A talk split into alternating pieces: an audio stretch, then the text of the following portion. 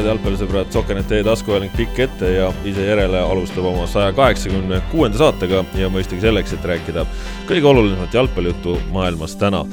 kõige olulisem jalgpallijutt on täna mõistagi seotud Eesti koondisega ja see saade tuleb sellise koha pealt, kus ta ei ole mitte kunagi varem tulnud, ehk siis eh, istume praegu San Marino olümpiastaadioni pressi tööala ruumis ehk siis eh, kui te kuulete siin eh, taustal mingisugust konditsioneeri, siis see on siin täiesti olemas ja, ja ta siin häälitseb nii palju, kui ta saab. Ja või kuulete San Marino keelset sõimu ja ka seda võib juhtuda, sellepärast et San Marino on just praegu alustanud oma mängueelse treeninguga. Äh, ja no meil siis äh, jutud ilmselt ka helitehniliselt on täna natuke teistmoodi. siin reisil olles on tehnika mitte päris see, mis meil tavapärases stuudios, aga loodetavasti jutud äh, saate kuuldud ja, ja saame need ka räägitud. minu nimi Kaspar Elisser, nagu juba kuulsite, on meil siin Ott Järvela. tere, ametlikult ka. ja Heiti Ellin niisamuti. tšau tänane peamine teema siis mõistagi Eesti koondis, räägime eelkõige sellest, mis juba on korda saadetud ja, ja siis ka sellest, mis meid ees ootab. ja, ja võib-olla jõuame natukene saatesse ka, ka muud kraami, sest ka muud põnevat on Eestis toimunud, aga kui ei jõua, siis jõuame sellest järgmistes saadetes rääkida igal juhul, sellepärast et noh, jah, eks te olete Premium-liiga sõpradena niikuinii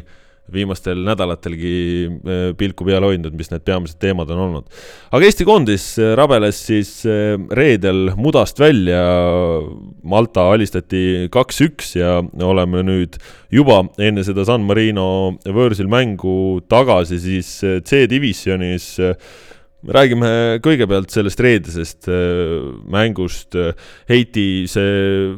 mäng algas äh, päris äh, selliste joovastavate emotsioonidega, äh, lõpuks teisel poolel asi tundus juba, et äkki läheb hapuks. kuidas sulle see mäng tundus, kas nii raskelt pidigi tulema, võis seda eeldada või, või oli seal midagi üllatuslikku? Minu jaoks väga midagi üllatuslikku ei olnud, sest et eh, kui eelmine nädal keegi kuulas meie saadet, siis teavad, et eh, panin ennustusega täppi kaks-üks Eesti võit. Eh, kahjuks ma jah, ei seletanud ära, et ma mõtlesin ka, et Eesti läheb juhtima, Malta läheb tagasi ja Eesti lööb siukse, no lõpupoole magusa võiduvärava. aga jah, eks algus Vašuki värav, mul oli ka kohe sihuke kergendus, et oh, et et äh, varakult saime ikkagi punni pealt, aga noh, ikkagi tagantjärele vaadates äh, kordusi, siis äh, Varri ja kohtunike poolt väga õige otsus. mul on niisugune tunne küll, et see värav tuli, siis tähistus tuli ju peale, Vašuk seal tähistas, meeskond tuli kaasa, kõik mõtlesid, oh, et jess, lõime värava ära, aga pärast seda see värav ju nii-öelda võeti ära, et siis kuidagi äh, mentaalselt kuidagi mõjus äh, mängijatele ka veidike, et see mängupilt muutus ka veidikene krobelisemaks ja noh, eks jah, oli ju õhus ka, et Malta üllatab, aga õnneks ikkagi poole aja lõpus saime selle penalti, mis oli ka väga õige otsus. korduseid vaadates äh, aegluubis, et oli õige otsus äh, anda see punane kaart ja penaltist üks-null ja, ja siis teisel poolel Malta lõi tagasi ja lõpus Anier kaks-üks, väga kena no minul oli võimalus seda mängu staadionilt vaadata, aga mul oli selline lisavõimalus ka juures, ehk ma ühest kõrvast kuulsin Ott Järvela kommentaari ja, ja Ott, sa tõid juba oma kommentaaris välja seda, et see psühholoogiline asi just selle võetud värava järel sinu hinnangul tundus, võis olla see, mis selle mängu nii keeruliseks tegi? jah, et see emotsionaalne nivoo läks nagu paigast ära selle, selle Vašuki värava tühistamisega, mis jah, kahtlemata oli õige otsus. et, et, et noh, kui sa vaatad ka, kuidas selle väravani noh, mis okei okay,, räägime sellest väravast, mis tühistati, kuidas selleni jõuti. seal ju kolm korda oli see olukord juba möödas ja toodi see pall ikkagi väravat tagasi ja lõpuks jõuti selle lahenduseni, kust pall sisse läks. ehk et see oli selline tõeline tahtejõu triumf, et see pall lõpuks võrku saadi. ja, ja see kahtlemata ju noh, kuidas ongi, ongi mängijate peades see paratamatult avaldab mõju emotsionaalne pool, vaimne pool ja, ja see kõik nagu suur joovastus tekkiski ennekõike ka kindlasti ka sellest, et see oli selline nagu töövõit, tundus see värav. Ja siis see võeti ära. Ja see, see valmistas probleemi, et tegelikult samamoodi ka see teise poole alguse penalti, mille osas ka jällegi midagi kobiseda ei ole, noh, no see tenniste käeliigutus oli ja ja mina, mina selles osas midagi ei vaidle, et see minu meelest oli see õige penalti. Ähm,. et, et, et see oli samamoodi, ka see võttis ära, see tekitas jällegi teistsuguse emotsiooniprobleemi, see tekitas probleemi, et meeskond hakkas kartma. Ja hakkas kartma, et see kurat, see võibki nagu käest ära minna. oli näha ju, noh, vabandust, et Martin Miller ei sööda kolm meetrit muidu palli out'i, Vlassi Sinjavskil, äh, kes, kes on Eesti koondise tegelikult ka üks parema tehnikaga mängijaid, kes ei saanud mitte millegagi hakkama, kui ta viimased viisteist minutit sisse tuli. Äh, aga, aga tegelikult ka teised mängijad, et seal noh, praaki tehti lubamatult palju ja, ja noh, me ju teame kõik, et tegelikult noh, tehniliselt see ei olnud see Eesti, Eesti, Eesti mängijad jäid oma võimetest väga kaugele tegelikult sel teisel poolel ja järelikult on probleem äh, vaimses pooles. Aga, aga noh, ühesõnaga, et selle, selle mängu käigus ilmnesid probleemid, äh, kui nüüd midagi, ma arvan, kiita siis ennekõike tulebki kiita, et vaatamata nendele kõigile probleemidele, mida me selle mängu jooksul Eesti meeskonda tabas, suudeti sellest olukorrast ikkagi võit ära võtta. Ja see on see, mida ka Malta peatreener Davis Mangia märkis, et vastane oli tugevam, võttis jõuga selle, selle, selle võidu ära. ehk et jah, Eesti suutis ikkagi lõpuks oma klassi maksma panna. see, see klassi maksmapanek ei olnud kaugeltki mitte kena vaadata, vaid see oli päris nagu piinav vaadata kohati. noh, teisel poolel tundsid ka, kuidas publik staadionil niimoodi noh oh, no ei ole, no oh. no põhimõtteliselt sellised hääled kostsid minu staadioni nagu sellest viie tuhande viiesaja inimese katlast, aga, aga lõpuks noh, suudeti see klass niivõrd palju maksma panna, et see, et see võit ka ära võeti. no tegelikult tõesti tundus, et, et see asi on tõesti paljuski vaimne, see, mis toimus, see teine poolaeg, mida me vaatasime, oli ju ütleme, et kvaliteedi mõttes no ikkagi erakordselt halb, et Eesti mängis äh, tagasihoidlikult, nii kui see penalti ja, ja üks-üks tuli, siis Eesti hakkas mängima veel turvalisemalt, veel rahulikumalt, äh, veel rohkem kindla peale, liinide vahed äh, venisid üüratult pikkadeks, üüratult suurteks ja siis kümnemeheline Malta tuleb kahe sööduga tuleb pressing alt välja, ehk siis pressing oli no absoluutselt mitte meeskondlik no tegelikult me meenusid need äh, Küprose mängud ka kevadest, kus äh, no okei okay,, see võidukohustus oli ju nii suur, aga oli näha, et mängijad kartsid kaotada ja sama oli ju täpselt Malta vastu. ja, ja see on, see on arusaadav äh, või tähendab, et noh, et see kaotuse kartus tuleb sisse meeskonnale olukordades kus äh, nad ise möönavad ja tunnistavad ka koos, koos Eesti jalgpalli avalikkusega, et äh, noh, võit, oodatud tulemus, ootuspärane tulemus ongi võit sellest mängust, et kui Eesti mängib Argentiinaga, siis ei minda platsile selle plaaniga, noh, tähendab, nad lähevad võitma, aga noh, kõik saavad aru, et kui võitu ei tule, et siis noh, selles ei ole midagi nagu erakordset või, või ebaloomulikku. et näiteks võtame, meenutame mängu Albaaniaga juunikuus, selle neljamängulise tsükli viimane mäng kus ei olnud Eestil ju võidukohustust, ei olnud kohustust, et noh, et sa pead sealt tingimata tulemuse saama. kohe oli meeskonnal nagu pingevabadus, mängiti väga loogilist, sidusat jalgpalli, kõik, kõik nagu toimis. ehk et Eesti jaoks tuleb välja, on probleem mängud, kus on võidukohustus. eelmine aasta näiteks ju Valgevenega kodus äh, pandi endale ise võidukohustus peale, pani, nõustus sellega peatreener, nõustusid mängijad, enne mängu öeldi, et me läheme võitma. toona lahendati see asi ära aga tuleb välja, et see Küprose käest saadud kaotus ilmselt on seda sisemist enesekindlust ikkagi piisavalt lagundanud, et noh, me oleme näinud selle märke. me nägime natukene selle märke võõrsil mängus Maltaga, kui ka seal lõpuks pandi klassiga maksma, aga nüüd kodumängus see teine poolega oli, oli ka märk sellest, et et kui, kui see, see võidukohustus on praegu probleem. Noh pole, pole nagu noh, tahaks loota, et nüüd seega Maltat suudeti teist korda ka niimoodi kin-, noh, ütleme kangutades ära võtta, et see võiks hakata seda probleemi mahendama. Ehm, samas noh, tuleb rõhutada nüüd ka seda, et, et kuigi Eesti lõpuks pani oma klassi maksma, siis, siis ei oleks midagi imepärast ka selles, kui Eesti ja Malta mõlemad mängivad oma võimete, ütleme sellise lae pigem välja ja Malta võidab selle mängu, et, noh, nende võistkondade vahe tegelikult niivõrd suur nüüd ka ei ole, et me vaatame Malta mängijate koduklubisid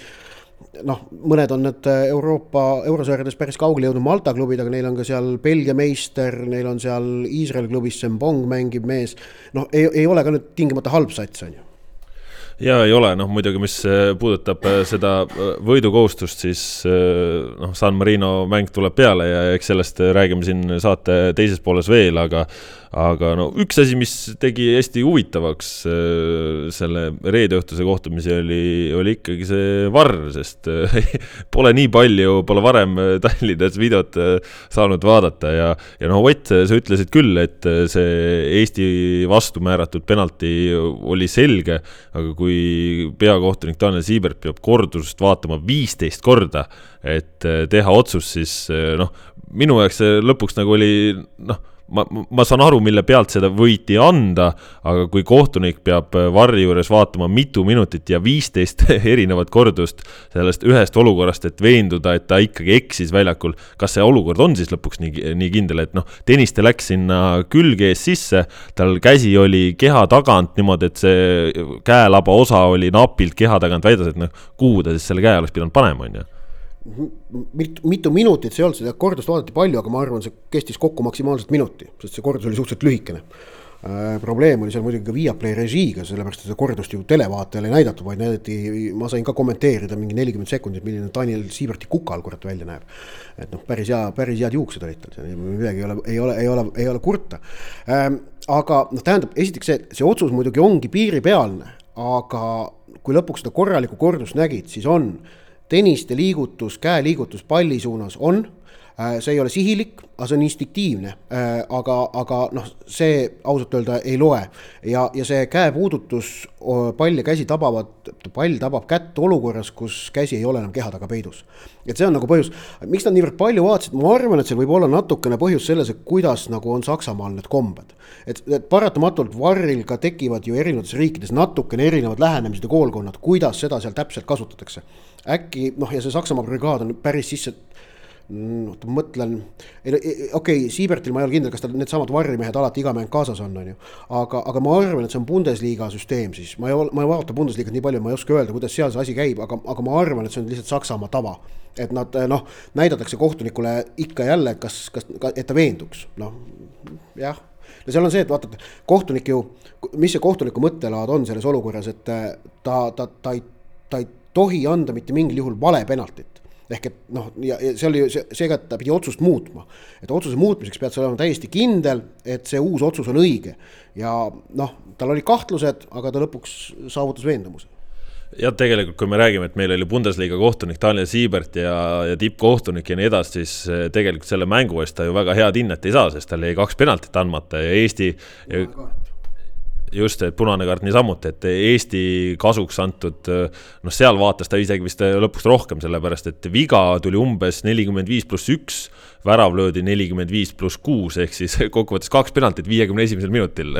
jaa, aga seal ta oligi, ta vaatas kahte asja. ta vaatas esiteks seda, et kas viga oli ja siis ta pidi veel hindama ka selle vea tõsidust. ehk et tal oli vaja seal noh, teha mõlemad otsused, nii penalti kui punane kaart, et kas punane või kollane, et seal oli näha, noh, kaart tuleb. et, et noh jällegi, aga, aga noh, selliste olukordade jaoks varr ongi loodud ja noh, tegelikult ka eh, rääkisin paari Eesti kohtunikutöö spetsialistiga. Nad ütlesid, et noh, et Siibert tegelikult noh, tegi kehva mängu mitte ainult nende otsuste mõttes, vaid nende meelest ka muidu, et noh, ei olnud, ei olnud nagu kontrolli selle mängu üle ja et kehakeel veidikene liiga, liiga ebakindel. võimalik, et sama neljanda minuti Vassiuki värav lõi ka tema äh, rivist välja, sellepärast et noh, kohtuniku jaoks neljandal minutil teada, et sa oled, oled valesti värava lugenud, okei okay,, varr aitas ta välja, aga ikkagi noh, see ei ole meeldiv tunne. Ehm, ent, ent, ent noh, tegemist on ikkagi vaieldud maailma tippkohtunikuga. noh, ta on maailma kahekümne parema kohtunikuga seoses, kindlalt ta läheb MM-ile, vilistab seal kindlasti paar päris korralikku mängu ja et, ja et temal läheb ka selle asja jaoks ikkagi kaua aega, siis noh, noh, noh, vahest ongi see, et varr ei ole võim-, teatud olukordades ei ole võimalik ka varril kiire olla, aga tähtsus, on kokku lepitud, et tähtsam on õige otsus kui kiirus ja Eiti, selles mõttes need, need mõlemad olukorrad, kui me, kui me vaatame, siis noh kasvõi neid, neid penalti-olukordasid, tegelikult ka seal Zenjovi olukorras, no isegi seda ju vaadates sa vaatad, et nagu, mis siin täpselt nagu juhtus. jah, selle Zenjovi olukorraga oli üldse see, et ega algul selle tavakiiruse peal ma ei saanud aru, et seal see jalg Zenjovi pihta käis, tundus, et noh, mängis palli ja mõlemad kukkusid, aga aegluubis oli ju näha, et mis seal tabas põlve või noh, mingit nii-öelda jalaosa Zenjovil ja no väga õige punane kaart, et ei ole midagi öelda, et eh, jah, seda ka ju näidati mitu kordust, aga vähemalt see otsus saadi õige. Et sama ju noh, nii-öelda ka tenniste penalti osas. Kui me siin juba Zenjovi mainisime, siis Zenjovist sai neljateistkümnes sajaliste klubi liige tundus kohe ka, et, et no esiteks muidugi see on ääretult kihvt, et mees tegi oma debüüdi kaks tuhat kaheksa Malta vastu, kaks-üks võidumäng A Le Coq Arena'l ja nüüd sajas mäng, kaks-üks võidumäng Malta vastu A Le Coq Arena'l. no Zenovi mängus oli näha, et tal on, tal on täna pidupäev ja ta tahab väravat lüüa, väravat ei löönud, aga lõpuks põhimõtteliselt no kaks väravasöötu, kui penaltid eelmisega sisse lööme. seda lusti oli tegelikult ju kihvt vaadata noh, seda võiks ju iga mäng näha muidugi, aga ei äh,, Ženjov oli väljakul väga aktiivne, väga kihvt oli vaadata teda ja võib öelda, et sai teenitud puhkusele nüüd San Marino vastu, et äh, ta selle kollase kaardi korjas, mis oli veidike üleliigne ja noh, nagu ta ütles, saab kõike nautida siin, et tasuta reis siia ja ei no väga, väga tubli mäng tema poolt ja ega ma arvan, et õigesti ka valisime ta mängu parimaks Ott, sa oskad kindlasti laiemalt mõtestada lahti sada mängu Eesti koondises, Sergei Zinjov, teda on fännide hulgas ka aegade jooksul vahel kritiseeritud rohkem, vahel vähem, reaalsuses ta on ajaloo kümne parima väravaküti seas, saja mängu niisama ei jõua, mis tähendus ja, ja roll ja mis näitaja see tegelikult on? No Sergei Zenjov on olnud iga Eesti koondise peatreeneri jaoks äh, võimalusel suht kindel algkoosseisu mees, niimoodi, et noh, et kui ta on olemas, siis ta reeglina põhikoosseisu pannakse. see oli niimoodi Tarmo Rüütlil, äh, see oli niimoodi Magnus Pärssonil, see oli, see oli samamoodi Martin Reimil, Karel Voolaidil ja, ja Toomas Häberli ametiaja alguses Zenjovil ei olnud ju kohta. Ja, ja noh, sest et ta nendele äärtele, mida, kuidas Häberli kasutab, ta sinna pigem ei klapi ja eelmise aasta sügisel Zenjov äh, siis mängis paar mängu rünnakul ja tuli välja, et ohoh, et noh, ta on ka seal ikkagi jätkuvalt väga et ta mängis kolmekümne 30 ta oli eelmine aasta oli kolmkümmend kaks vist sel hetkel, kolmekümne kahe aastasena mängis ennast uuesti koondise põhikoosseisu olukorras, kus uus peatreener oli ta kui noh, mudelisse mittesobiva mängija veidikene kõrvale lükanud no mõelge, kui muljetavaldav see tegelikult on. ja just see, see, see ikkagi kestvus läbi nende erinevate peatreenerite, erinevate süsteemide, erinevate aegade, ta on suutnud ja, ja hoidnud äh, enda kohta põhikoosseisus, ta on enamasti ju põhikoosseisu mängija. Äh, ja, ja temal on ikkagi väga selged kindlad omadused ja, ja tugevused, mille pärast peatreenerid teda tahavad okei okay,, öeldakse, et ja, ja noh, kritiseeritakse, et Zenjovi noh, kiirus pole enam see ja ta ei suuda vastaseid üle joosta ähm,. aga tema see plahvatus ja, ja see kiiruslik ikkagi vastupidavus on säärased, mis venitab vastase kaitseliini lahti ja, ja tekitab sinna ka ülejäänud mängijatele auke. see on nagu põhjus ka, miks äh, miks, miks, miks Zenjov on olnud ikkagi kõikide peatreenerite jaoks väga selgelt usaldusalune ja noh, see, et sa sada mängu suudad ära teha, siis see läheb aja jooksul ikkagi pigem üha keerulisemaks. et, et, et noh, et äh, nende mängude arv ju igas aastas on tegelikult vähenenud, et kunagi Eesti koondis mängis vaata aastas mingi kuusteist, seitseteist mängu ja kõik need talvised äh, maavõistlused olid nagu pidevalt tavalised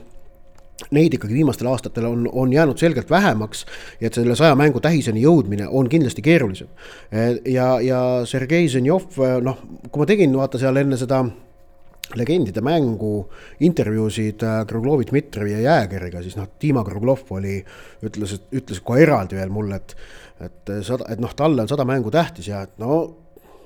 järgmine on see Zenjov, Sergei Zenjov ja ma juba loodan, et ikka kohe septembris, et mul on väga hea meel tema üle. et noh, ta, ta on väga väärtuslik mängija ning selles et ta Malta vastu oli Eesti vaata et kõige ohtlikum mäng ja oleme ausad, ei olnud ju midagi väga üllatavat, et kui sa vaatad nagu viimase paari kuu esitusi, siis äh, Sergei Zenjov on, on, ongi olnud Eesti kõige ohtlikum ründaja tegelikult, kes nagu mängib, äh,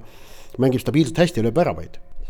kuigi noh, selles mõttes. Floras teises rollis, aga ta mängib et noh, et noh, Kirss pole viimasel ajal väravaid löönud, Sappinen polnud enne seda penaltit löönud väravat äh, alates eelmise aasta novembrist äh,. Äh, Anier praegu Tais sel hooajal veel ei ole löönud, nüüd õnneks sai ka värava kirja, ma arvan, talle ka kindlasti väga tähtis. ja, ja noh, Sorga teame ka, et noh, Göteborgis saab vahest värva mõne minuti. ehk et noh, seis on tegelikult see, et, et noh, et üle neli, nõnda öelda neli puhast ründajat, noh, kõigil on väga selgelt teatud raskused. Zenjovil ei ole, sellepärast ta ka alustas. ja, ja noh, selle, see, see usaldus õigustas ennast täielikult Malta vastu mida see Malta mäng aitas ja tegi, oli see, et me oleme nüüd äh, C-divisjonis. Kui suur kergendus see on Eesti jalgpallile, et nüüd need mudajutud saab selja taha jätta? no kergendus kindlasti, ma ei nõustu, et see niisugune Eesti jalgpalli pidupäev oleks, no muidugi jaa, tore, et saime sealt välja, me pidimegi välja saama, et et noh, lõpuks ometi, et kiire langus, kiire tõus ja loodetavasti siit aina kõrgemale ja kaugemale, et et eks ole näha siin ju EM-valikturniir tulemas ja noh, tegelikult ju mudamängud ei ole veel läbi, et tuleb ka see Rahvuste Liiga hooaeg väärikalt lõpetada siin San Marinos. Ott, mis see perspektiiv praegu Eesti koondise jaoks on? C-liigas tagasi? varem on neid jutte olnud, et me justkui nagu ei väärinud ka siis seal olema, olemist, kui tulemused seda ei näidanud, nüüd Toomas Häberli ütles, et nüüd me oleme vähemalt tulemustega näidanud, et me ei vääri ka D-liigas olemist ja ei, see on kahtlemata tähtis, et siit nagu senimaani kolm võitu kolmest mängust on kirjas, et, et lõpuks see, mis need mängukäigud on, väga meelde ei jää, et me vaatame ajalukku, vaadatakse tulemusi ja noh, kolm võitu on kolm võitu ja minu arust mul tuleb meelde kunagine Lembitu Kuuse selline kunagine legendaarne lause, et ja kuskil seal kaugel udus võitleb Eesti suusataja, ma nime ma ei mäleta, seda võitlust, mida on talle antud võidelda. nii see sport on, et igaüks peab mängima parajasti neid mänge, mis on talle ette sattunud erinevate asjaolude kokkulangemisel, Eesti seal ei ole mitte midagi ebaõiglast, et Eesti D-divisjoni kukkus ja seal ei ole ka mitte midagi ebaõiglast, et Eesti nüüd seal D-divisjonist üles C-divisjoni tagasi tõusis. aga, aga nüüd see C-divisjon, ma arvan, et, see rahvuste liiga perspektiiv tulebki nüüd pärast homset mängu ikkagi kõrvale lükata. sellepärast, et me naaseme selle juurde alles kahe tuhande kahekümne neljanda aasta sügisel, septembris, kahe aasta pärast et, et sinna vahele jäävad nüüd, esmalt tuleb meil novembris Balti turniir, järgmisel aastal tuleb Euroopa meistrivõistluste valiksari, äh, kaks tuhat kakskümmend neli kevadel on siis, peaks olema harukordne võimalus Eesti koondisel äh, noh, äh, mängida kas maavõistlusi, aga loodame, et me mängime Euroopa meistrivõistluste play-off'i. sellepärast, et kui Eesti võidab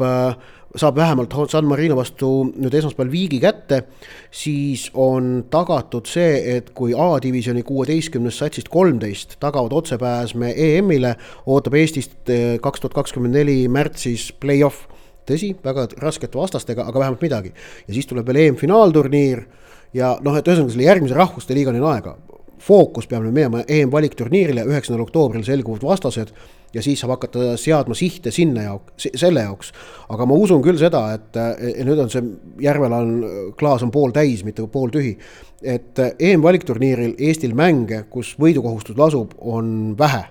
heal juhul alagrupis kaks tükki, kui on viiene alagrupp, ei ole tegelikult vaata et ühtegi ja see olukord sobib Eesti meeskonnale jätkuvalt paremini, on läbi aegade sobinud ja sobib jätkuvalt paremini rahvuste liiga saab omale joone alla mänguga San Marino vastu. on selge, et Toomas Häberli ei võta seda asja kergekäeliselt, seda näeme kasvõi sellest samast, mida Heiti mainis. Sergei Zinov, mees, kes on mängukeeluga, on San Marinos kaasas, et treeningprotsess oleks äh, maksimaalse lähedal mida sellelt eh, esmaspäevaselt eh, mängult oodata, me teame, et eelmine kord, kui siin käidi, kaks tuhat neliteist jäi see mäng null-null. miks see mäng eh, sedasi jäi, eks seda võite meil portaalist lugeda, Ott kirjutas selle kohta päris huvitava ja põhjaliku loo. ehk siis sealt saab, saab selle kohta uurida, aga, aga mida nüüd oodata. koondisel on kindlasti mälestus sellest eelmisest siin käigust, on praegu kogemused nende raskete võitude ja, ja võidusurvega. nüüd on vastas maailma nõrgim koondis numbrite järgi ja, ja Eestil noh, justkui midagi otseselt kaalul ei ole, aga noh, tegelikult äh, au äh, tooni pidi või, või lähtepunktist on väga palju kaalul kolme punkti ootan, kui vastata küsimusele. Äh, ma loodan, et see, see motivatsiooni küsimus ei ole probleemiks meile, et äh, seitse koondislast, kes olid äh, kaks tuhat neliteist, on sel aastal San Marinos kohal. Zenjov neist ei mängi, aga noh, seitse mängijat mäletavad seda, ma usun, et see selline tahe võita, pesta see häbi maha on suur okei okay,, me oleme selle alagrupi võitnud, aga no mis saaks olla magusam, kui läbida see kaotuseta? Ott, mida si-, mida sina arvad? ma tean küll mõnda asja, mis on magusam, kui läbida D-divisjoni kolmeliikmeline alagrupp kaotuseta aga, aga, aga rääkides sellest, selle mängu perspektiivist, mida, mida sina ise sellelt mängult ootad, mis sa arvad, milliseks see kujuneb? no stiilipunkte, oleme ausad, seni pole üheski kolmes mängus õnnestunud teab mis kõrgeid võtta, noh et, et mitte, et need alati nüüd tingimata täitsa olematud oleksid olnud, näiteks kodumäng San Marino vastu oli täitsa noh, okei okay,, ma ütleksin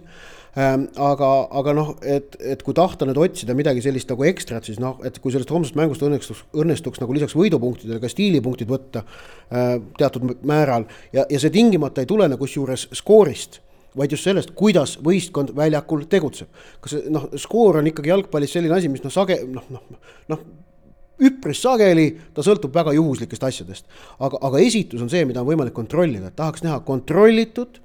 pühendunud äh,, distsiplineeritud äh,, kirglikku ja ka sellist ikkagi äh, õige riskinivooga esitust. just nimelt see õige riskinivoo oli ju probleem, mida me, kui me mõtleme reedesele mängule Maltaga, et seal see oli paigast ära, ta oli liiga madalal et, et tuleb mängida julgemalt ja otsida neid võimalusi ja, ja, ja proovida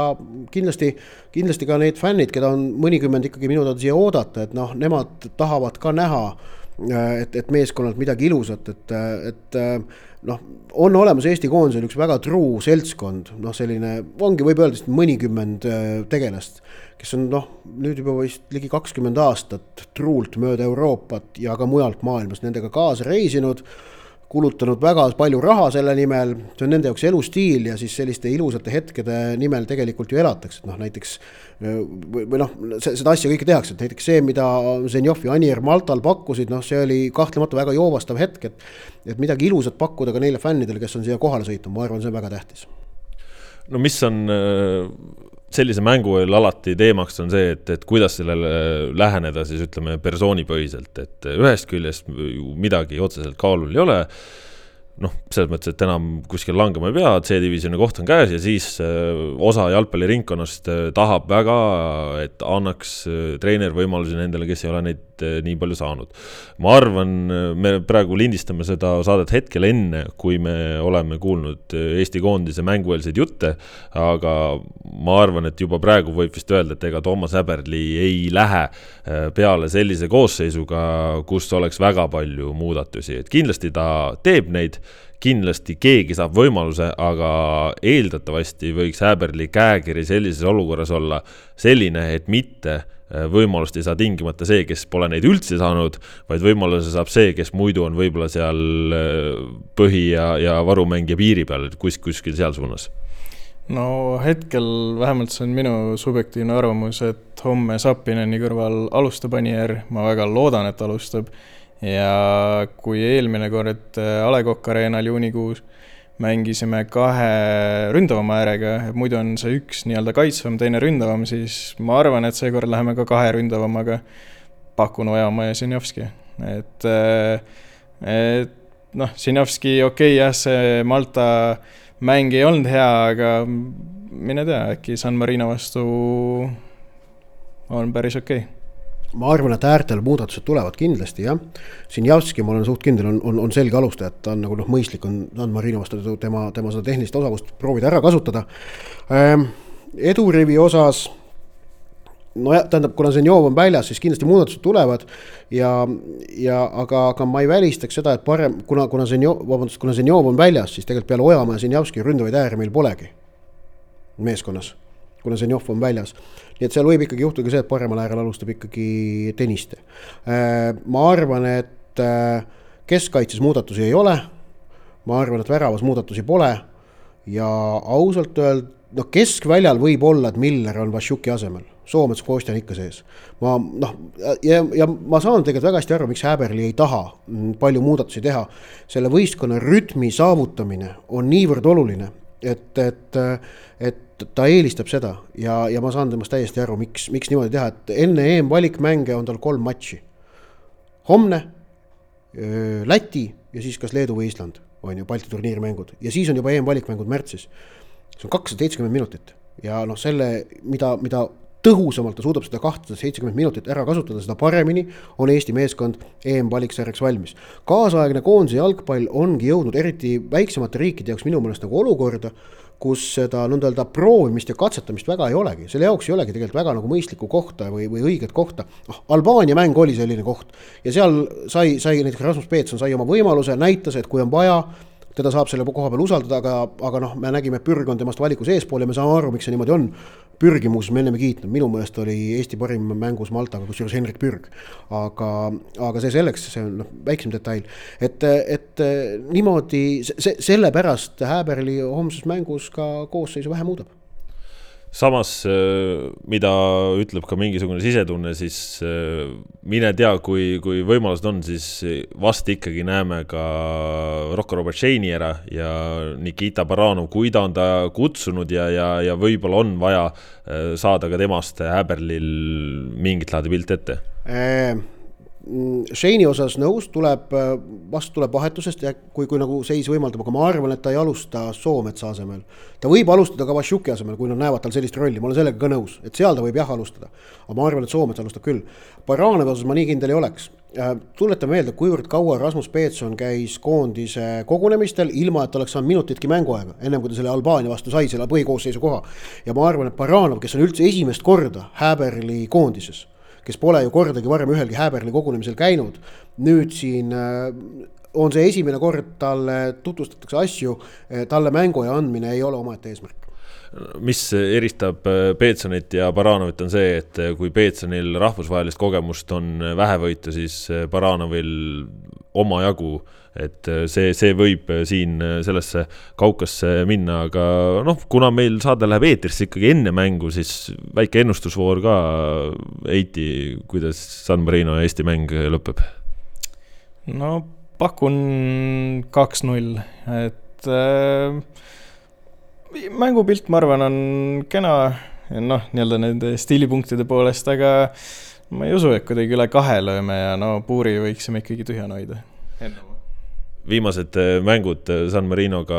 mis oleme siis kodupinnal mänginud, on olnud ka kaks nullid. Äh, Ott, mida sina ennustad? no ma oleks, noh, kaks-null on kõige loogilisem ennustus, ma ei ole kihlveokontorite koefitsiente vaadanud, aga ma pakun, et selle, selle koef on kõige väiksem äh,. aga noh, et noh, kuna ma Heitit kopeerima ei hakka, siis ma arvan, et noh, et järgmine tõenäosus on kolm-null et, et see tundub nagu loogiline, et noh, et ongi, et kaitses korralikult hoida ja, ja, ja noh, asi, mis nagu lubab minna pigem julgelt selle mängule vastu, ongi see, et nüüd, nüüd on sellest nagu noh, suurest survest on meeskond vabanenud ikkagi, see, see, need kaks Malta võitu on kätte saadud ja see suur surve peaks maas olema. et vast see annab mingit, mingit eelist minu pakkumine võeti ka ära, nii et ma ütlen lihtsalt kolmeväravaline võit. Äh, kuidagi sedasi optimistliku, optimistliku tooniga tahaks, tahaks loota, et, et see seekordne Rahvuste Liiga praegu purki tõmmatakse nii palju koondisjutte meil on, mõned minutid, aga tõesti vaid äh, mõned. Äh, ja, ja need mõned minutid äh, käime korraks ikkagi selle eelmise nädala, ütleme, et Eesti jalgpalli avalikkust siis raputanud uudise ka üle Levadia sai omale sel hooajal viienda peatreeneri, ehk siis äh, Maksim Kolonitšenko, ukrainlane, jõudis siis äh, Levadia valitseva Eesti meistri eesotsas vastu pidada täpselt ühe mängu, kus ta kaotas äh, kaks-kolm koduväljakul Kuressaarele ja noh, see üks mäng sisaldas siis umbes nädala pikkust perioodi, mille jooksul siis äh, Levadia äh, Äh, tema äh, vallandas ja nüüd on siis tõesti Nikita Andreev, äh, klubi peatreeneri siis kohusetäitja, Andreev puhul väga tähelepanuväärne on see, et aasta ja mõned kuud tagasi oli ta premium-liiga jalgpallur aastat alustas ta Levadia U kakskümmend üks abitreenerina, siis sai Levadia U kakskümmend üks peatreeneriks, siis sai Levadia U kaks, U kahekümne ühe peatreeneri kohalt Levadia esinduse abitreeneriks ja nüüd on ta siis juba Levadia peatreeneri kohusetäitja, et see karjääriredel on olnud võrdlemisi hüppeline ja kiire. enne kui ma küsin teie mõtteid selle asja osas, siis ma ise ütlen äh, sama, mida olen ka säutsunud äh, Levadia jaoks, äh, ma arvan, Viktor Levada poolt tema viimaste aegade kõige parem otsus üldse. miks, põhjus selles, et noh, muidugi see, see, et ta selle palkamise tegi mõistagi ei kuulu nende parimate otsuste sekka, aga see, et ta nii kiirelt Kalanitšenkost loobus, see kahtlemata on väga hea otsus, sellepärast et olles suhelnud klubi sees erinevate inimeste ja mängijatega, kuulnud jutte mujalt, rääkides inimestega, kes äh, Kalanitšenko asju ka varasemast kuskilt teavad, äh, noh, see mees ei, ei olnud nagu päris treeneri mõõtu treener, et äh, Levadia sisuliselt, kes oli tulnud väga-väga tipptasemele kogu oma korralduse, ütleme siis põhjalikkuse kõikide detailide, asjade juures, mida ju juba Aleksandr Rogits alustas ja, ja mida Marko Savits, Vladimir Vassiljev seal edasi viisid noh, põhimõtteliselt Levadia langes kiviaega, äh, see, millised olid need vähesed trennid, äh, milline oli see suhtumine, olen kuulnud jutte ka, milline oli Kalantšenko poolaja kõne olukorras, kus nad olid Kuressaare vastu null-kaks kaotusseisus. noh, see oli tegelikult päris masendav, et äh, selles osas tõesti Viktor Levadat tuleb kiita, et okei okay,, astus ämbrisse, aga väga kiirelt lahendas selle olukorra. muidugi olukorras, kus sul on äh, viies peatreener ühe aasta jooksul ja nüüd on siis kolm vahetust tehtud äh, treenerite osas, noh, see on muidugi selline, mis klubist jätab võrdlemisi narrimulje. Eesti tippklubi ju äh,. jah, see kogu olukord on tülgastav, no, no ei saa niimoodi ju noh no saab, nagu näha. aga no kui korra Andreevi juurde tulla, siis äh, treeneri karjäär on nagu tagurpidi Liumägi, et, et väga kähku on üles jõudnud äh,. Kalanitšenko kohta ka, et äh, üks ja ainus pressikonverents, mis tal äh, enne Kuressaare mängu oli, rääkis, et järgmine aasta on klubiga suured plaanid, noh jah, nagu näeme, siis, siis ei ole, et äh, no ei jätnud jah, mitte mingisugust muljet äh, selle ühe mängu poolt ja no jah, nagu sa ütlesid, et äh, kiitus Levadale, et ta selle otsuse ära tegi, et ta temast lahti ütles, aga tuleb ikkagi tuhkaga pähe raputada, et ta palgati no siin noh, okei okay,, kiita selle eest, et tegi lõpuks ühe asja õigesti, pärast seda kõiki neid fopaasid, millesse Levadia on siin astunud, siis see on noh, humanitaarabi on see tegelikult see kiitus praegu. aga kunagi oli reklaam kuue kuuga trollijuhiks, mäletate, oli selline reklaam. noh, Levadia on praegu on see slogan on see, et üheksa kuuga meistrist naerualuseks sest et noh, tegelikult see on väga kurb, kuidas üheksakordne Eesti meister on praegu klubi sisemise kultuuriga ja sisemise toimimisega niivõrd omadega hädas ja mädas et täiesti nagu arulagedat siplemist, mis sealt praegu kostab. ja, ja, ja, ja, ja, ja, ja noh, ja paistab, et see on, see on Eesti jalgpalli jaoks äh, tervikuna halb, sest Levadia on, on väga selges kriisis. ning ennem kui Levadias ei kehtestata korralikku struktuuri, mida ka järgitakse rangelt ei ole neil ka lootust äh, jõuda sinna, kuhu klubi omaniku ja presidendi ambitsioon seda, seda klubi tahab viia äh, tuleb praegu tõdeda, et eelmise aasta meistritiitel oli juhuste kokkulangemine, kui me vaatame nüüd nii tänavust mullust kui ka kahte eelmist hooaega, siis selle nelja hooaja kokkuvõttes. Levadia on ikkagi alati Florast, äh, kui eelmine aasta välja jätta, selgelt maha jäänud ja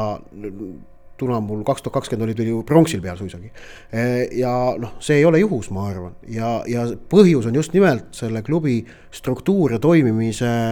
noh, paika pandud toimimismehhanismid, et noh, et kui, kui president tuleb ja ei räägi spordidirektoriga läbi ja paneb mingi tegelase peatreeneriks e, ilma konsulteerimata, kas, kas, kas see sobib klubi sportliku filosoofiaga, kas nagu mängijate komplekteeritus on vastavuses selle peatreeneri stiili, põhimõtete, kõige muu sellega. noh, see on, see, see, see on, see on, see on täiesti lubamatu, see on noh, niimoodi juhitakse jalgpalliklubisid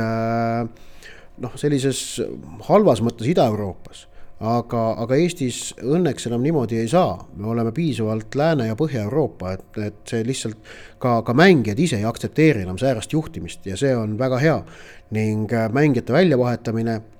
suures mahus ei ole võimalik, sellepärast et Eestis õnneks kehtib ETM reegel, mis on väga hea reegel ja, ja see, see sunnib klubisid kasutama Eesti mängijaid või Eestis treenitud mängijaid, ei võimalda uuel peatreeneril tulla ja kogu satsi tuua täis mingeid, ähm, mingeid tegelasi, kes talle sobivad. noh, me näeme Läti ja Leedu tippklubide puhul seda päris palju praegu, väga hea, et Eestis seda ei ole. ja, ja noh, sellepärast ma ka mina ütlesin kuskil säutsus vist, et, et Eestis ei ole võimalik oligarhilisel moel jalgpalliklubisid enam juhtida edukalt ja, ja noh, ei olegi me näeme kaks klubi, kes on olnud oma tegemistes viimaste aastate lõikes edukad, on selgelt tõusutrendis liikunud, on Flora ja Paide, kui me tippklubidest räägime. mõlemal on paigas struktuur, mida rangelt järgitakse. see ei ole juhus. Need kaks klubi, kus korralikku struktuuri ei ole, on languses, need on Kalju ja Levadia